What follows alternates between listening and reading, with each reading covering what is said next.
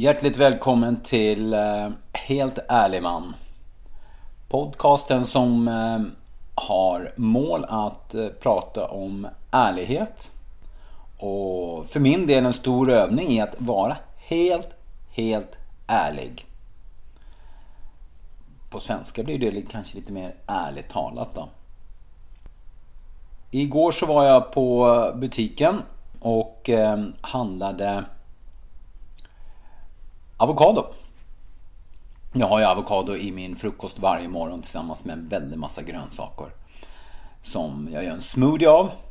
Och har det helt konge på det väldigt länge. Står mig väldigt länge energimässigt.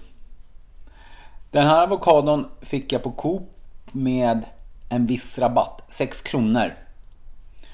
Och så lägger vi märke till att kassörskan slår in någonting fel så det blir 17 kronor i rabatt. Och lägger för jag först sticker märke till det ser inte jag. Men sen så lägger min käraste märke till det. Allt har blivit det. Så säger jag till att eh, det har slagit in lite fel här. Nej, nej, men jag har fått rabatten. Hon börjar gå i försvar direkt. Ja, hon har gjort rätt. Men jag har fått för mycket i rabatt. Jag ska inte ha så mycket i rabatt. Och på vägen ut så, det här blir ordnat och på vägen ut så börjar jag och min käraste prata om det här. Vad som skedde där. Och vad jag gjorde för att nu betalar jag lite mer än jag egentligen behövde göra. För jag kunde ju kommit undan och fått 11 kronor extra rabatt. Till ett företag stort som Coop. Gigaföretaget. De hade ju aldrig lagt märke till det. Slutsatsen blev ändå att jag hade lagt märke till det. För då hade jag gått bort, då hade jag gått bort från mitt nya signum att vara helt ärlig. Och om jag vet om att de har gjort fel och inte säger det så är det en lögn. Och, och då vill jag hellre betala de här 11 kronorna känna mig helt ärlig med det. Tänker du, ja men det är 11 kronor. Hur hade du gjort med 11 000 då? I rest my case. När den händelsen kommer då ska jag se vad jag gör då. Förhoppningsvis så har jag så gott om pengar att eh, 11 000 i det tillfället är detsamma som 11 kronor idag. Vi får se hur det, hur det blir med den saken. Så för mig det här att ärlig vara helt ärlig, det är det har blivit otroligt spännande. Eh, otroligt kul. Det är behagligt. Och så är det fantastiskt att se hur andra människor reagerar i min omgivning. Eh, både till eh, det positiva och det till negativa. Och ibland så kostar det 11 kronor för mycket. Och så är det med det. Idag har jag, idag ska jag säga, den här eh, helgen och veckan har jag haft i tankegångarna väldigt mycket på dark sides. The dark side är ju baksidan av det här äh, vackra och fina som vi gärna frambringar. Och det kan vara de Det kan ju vara de här tankar och fantasier som eh, vi egentligen inte har lov att ha. Och som jag har förstått det väldigt mycket. Framförallt män då, för att män... Bara ta den enkla. Män är våldtäktsmännen. Är det någon som våldtar så är det en man. Så därför måste vi tygla männen. Vi måste begränsa dem. De får inte tänka så här. De får inte tänka nedlåtande om andra människor. Och jo, jag håller ju med i den eh, teorin. Dock blir det ett problem när en man inte får lov att vara arg. Eller gråta för den delen. När han inte får lov att vara arg så måste han ju hålla det inne i sig. Han får inte lov att ta ut det på en kollega. En käraste. En partner. Eller barnen. Att han är arg. Jag är ingen psykolog. Om det här är inom det psykologiska eh, fältet, det vet jag inte. Så Då får då, det som kan det här, ni som kan det här, ni får gärna ehm, ta kontakt med mig och berätta. Men jag har tänker att om en man undertrycker sin ilska under en längre period så måste den komma ut till slut. Och då kommer den ut ganska våldsamt. Den kommer inte ut i de här små portionerna. I USA har det varit ett gäng skolskjutningar. Är det ett resultat av sånt? Ilska eller undertryckta känslor överhuvudtaget? Ehm, det är... Det skulle jag jättegärna vilja ha några... En, en debatt bland professionella människor. Det hade varit väldigt intressant att, att, att lyssna till. Och så när jag suttit i den här och tänkt att det här, det här måste jag göra en podcast på. The Dark Sides, mina Dark Sides, vad är det? Det första jag tänker är att jag är väldigt fascinerad av kontrollerad fara. Eller fara i kontrollerade former. Som till exempel fallskärmshoppning. Det, det, kan vara farligt. Men det är ganska kontrollerat. Eh, dyka bland hajar de gånger jag har gjort det så har det varit kontrollerat. Thaiboxning. Thaiboxning är jag väldigt, väldigt fascinerad av. Jag, verkligen, jag sitter på YouTube, jag söker den ena matchen efter den andra vid tillfällen. Bara för att så, få se dessa tekniska slåsskamperna. Det är våld. Men för min del är det, det är två män som går in i ringen Båda vet om att det här kommer att göra ont och jag ska vinna. Det tycker jag är okej. Okay. Jag tycker inte det är okej okay när man utövar våld på gatan. Oavsett om det är två stycken män som båda vill slåss. Det är fortsatt inte okej. Okay. Gå in i en ring. Stå hur mycket den vill.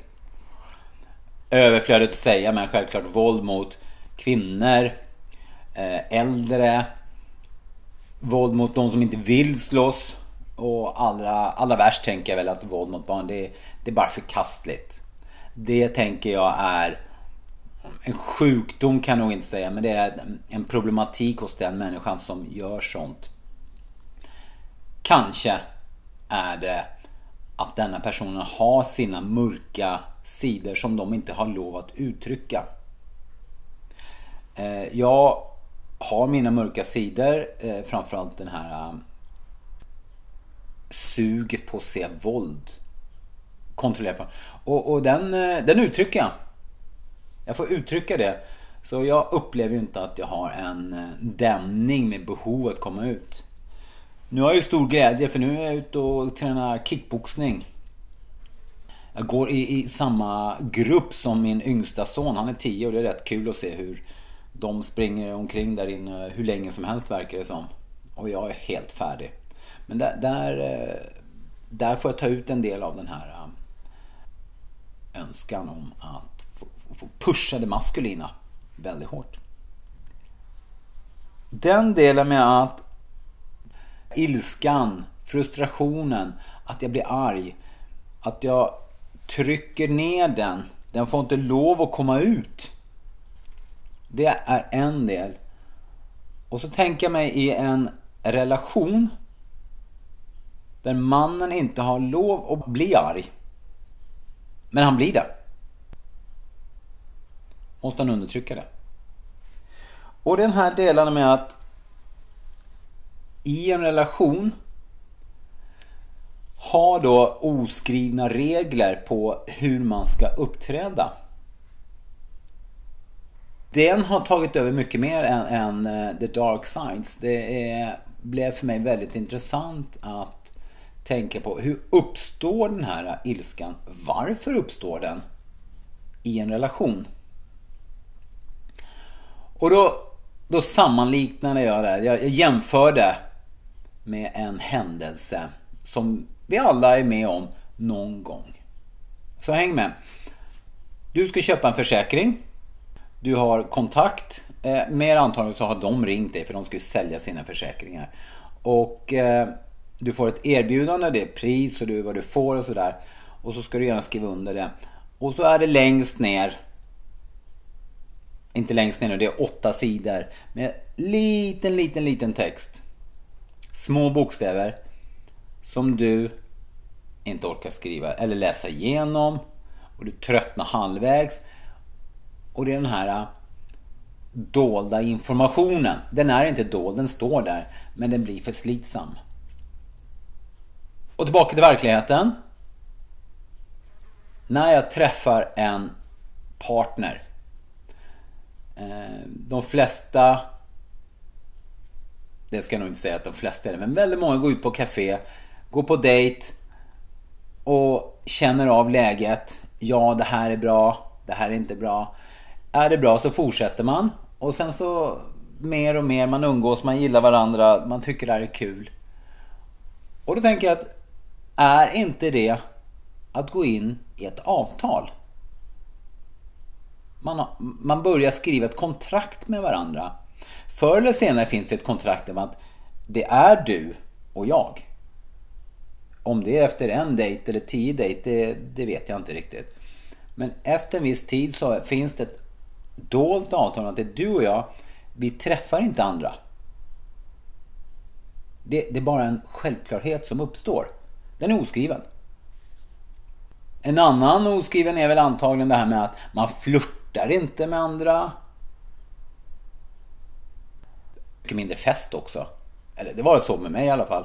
Nu när jag träffade min käraste då hade jag redan slutat gå på fester och sånt. Men tidigare så var jag ute på fester och när jag träffade min partner så det, det var inte så kul att gå på fest så att någonstans där så förändras ju den här relationen. Och det där tänker jag lite sådär oskrivna lagar höll jag på att säga, men ett kontrakt som skrivs mellan två personer. Och mer intimt när vi går in i en relation och mer intimt så blir det mer och mer av dessa dolda kontrakt.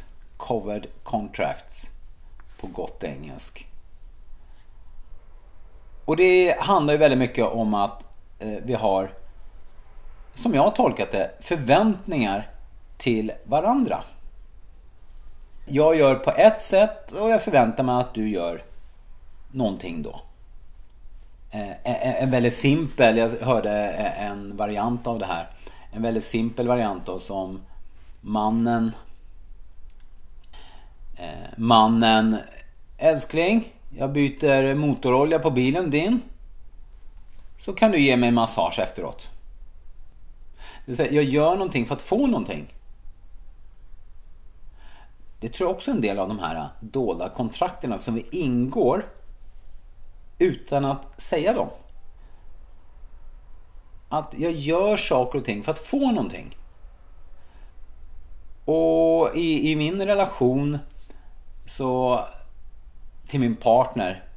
Eh, jag och min partner vi pratar väldigt mycket om hur vi är som individer och hur vi är i par. Och båda är väldigt medvetna om att vi har de här sidorna som kan vara störande för den andra. Och därför har vi valt att tala öppet med varandra om att när du gör sådär så känner mig si och så. Och då har jag tagit och gett mig en, en egen uppgift med dessa dolda kontrakt som vi har. Vad gör jag för henne för att få någonting? Eller kanske ännu värre. Jag vill ha någonting. Vad måste jag göra för att få det? Anta. Det känsliga temat sex. Och jag tror de flesta vill ha sex med sin partner. Vad ska jag göra för att få sex med min partner? I helgen. Vad måste jag göra då? Hur ska jag locka henne? Egentligen, hur ska jag manipulera henne för att eh, få det? Vi kan vända på det. Vi har haft ett samtal för att eh, jag vill gärna vara med och laga mat eh, för jag tycker det är väldigt romantiskt. Det är charmigt att laga mat tillsammans. Och så har vi det problemet att hon är betydligt bättre än mig att laga mat. Hon är bättre än mig, hon är mer effektiv. Så är jag med så blir jag i vägen. Jag står i vägen för henne. Det blir, det blir mest irritation då. Det är inte det romantiska som jag gärna vill ha det till. Så att när vi har matlagningen på gång. Jag frågar alltid om jag kan hjälpa till. Och jag vet att eh, håll, det, håll det undan. Det är väl så jag hjälper henne bäst då. Hon är ju mer artig så. så säger jag, sätt dig bara ner och Läser tidningen någonting. Och så kom vi in i samtal där men vad om jag inte sitter och läser tidningen där? Utan jag går ut och spelar... Eh, eh, nu spelar jag inte Playstation och sånt där. Men jag spelar Playstation. Jag ser på en film. Jag ser på en film då. Och då kommer det fram där att då får hon känslan av att då är hon reducerad till en person som ska bara fixa och laga mat till mig. Så utbytet här blev du håller mig i sällskap när jag lagar mat. Och det var ganska intressant att vi tog upp där. Och det, det är ju en ganska liten sak. Och så fick jag väldigt dåligt samvete för att jag vet inte, vad är det jag gör? För att manipulera henne att ge mig det jag vill ha. Jag eh, har satt mig då på uppdrag att finna ut det här. Att finna ut hur agerar jag för att få min vilja igenom? Jag vill gärna veta vad jag gör. Jag tycker det är viktigt. Eh, dels för att jag lär känna mig själv men ännu bättre hur kan jag få det utan att manipulera? Tar man det här enkla, enkla exemplet med matlagning i köket. Hon vill ha mitt sällskap så hon lagar mat till mig. Vad om man bara säger det? Robert, jag vill ha ditt sällskap. Det hade ju varit enkelt tydligt. Och för min del. Jag vill ha, jag vill, jag vill, jag vill ha sex med dig. Så varför ska jag hålla på och manipulera? Varför säger inte jag som det jag känner? För mig är ju hon en otroligt vacker kvinna. Och, och hon är min kvinna. Det är, ganska självklart att jag vill ha, jag vill ha sex med varandra. Så som jag räknar med att så är det i alla parrelationer. Men hur ofta säger vi det? Hur ofta är vi ärliga och säger det till vår partner? Och hur ofta gör vi då tvärtom? Vi gör någonting för att få det av den här personen.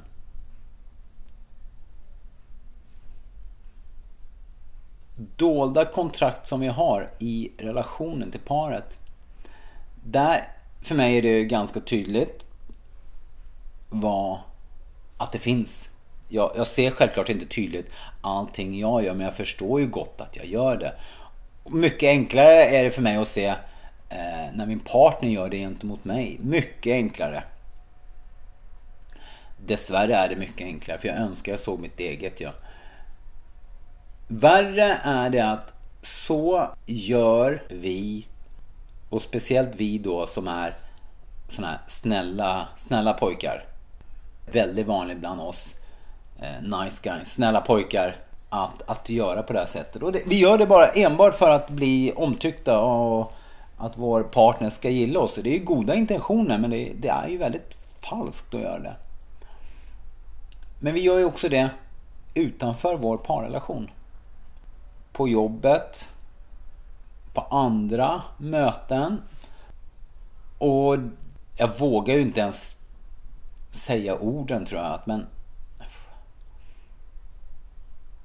Tänk om vi gör det med våra barn också. Att vi manipulerar dem för att få någonting. För att, få, för att jag ska få ut någonting. Ett, ett, ett, ett, ett exempel som jag, jag vet inte om jag hörde eller läste det. Men det var en man går ut och går med eh, en, en dotter som sitter i barnvagn. Jag vet inte hur stor liten den är men han går ut med den här dottern och får väldigt många komplimanger för henne. Som är, hon är jättesöt. Och han får komplimanger. Åh vilken duktig far du är. Och det här blir ju en sån här dold kontrakt dem emellan då. Att jag går ut och går med henne. För att få de här komplimangerna. Och det där skrämmer mig lite grann.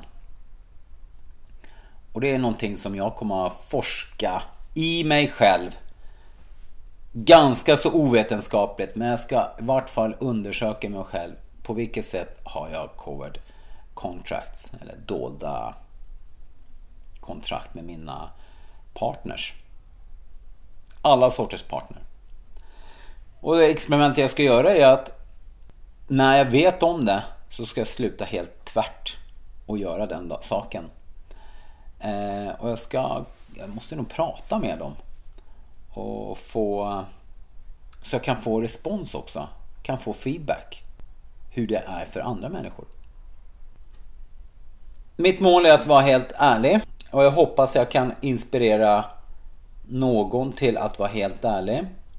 Och framförallt är helt ärlig med, med dig själv. Jag uppfattar en, en, en rörelse i samhället med män som börjar ta tillbaka maskuliniteten. Och det... Ja, ja, jag försöker dra mitt strå till den stacken att vi ska bli fler och fler som tar tillbaka den här maskuliniteten. Kunna ha den på ett mer autentiskt sätt än det jag tänker vi hade förr i tiden där det var mest kraft och dominans och makt. Och, och, och, med ett samspel med våra kvinnor så kan vi få en ett bättre samhälle, en bättre relation där vi kan samspela och båda få ta fram positiva delarna i oss själva. En väg tillbaka. Jag tror den första vägen tillbaka är att ha kontakt med sina känslor och kunna vara ärlig med dem. Ärlig med den personen som betyder mest för dig. Och det är ju du. Så jag kommer fortsätta. Jag håller på. Jag kämpar hårt med min egen utveckling. Eh, min egen ärlighet. Till gott och ont för andra. Tänker det är gott för dem som vill vara kvar och dåligt för dem som inte tål att jag är ärlig. Men så är det med det. I Facebookgruppen som vi kommer att köra på lite så får vi till något samtal och diskussioner där. Den heter fortfarande med Robert Valenti. Den har inte fått något nytt namn. Svårt det där med namn. Skriv gärna in där. Lämna en kommentar. Om du har några tankar på det som sägs. Eller kunskap. Erfarenhet. Så är det helt super. Nu ska jag ut och nyta de sista sommardagarna. Det blir bastu och bad i Oslofjorden. Det ska bli gött. Om du tänker den här podcasten som en eh, ett gott alternativ så rekommenderar jag gärna den för andra. Eh, lämna en kommentar. Så hörs vi. Ha en god helg.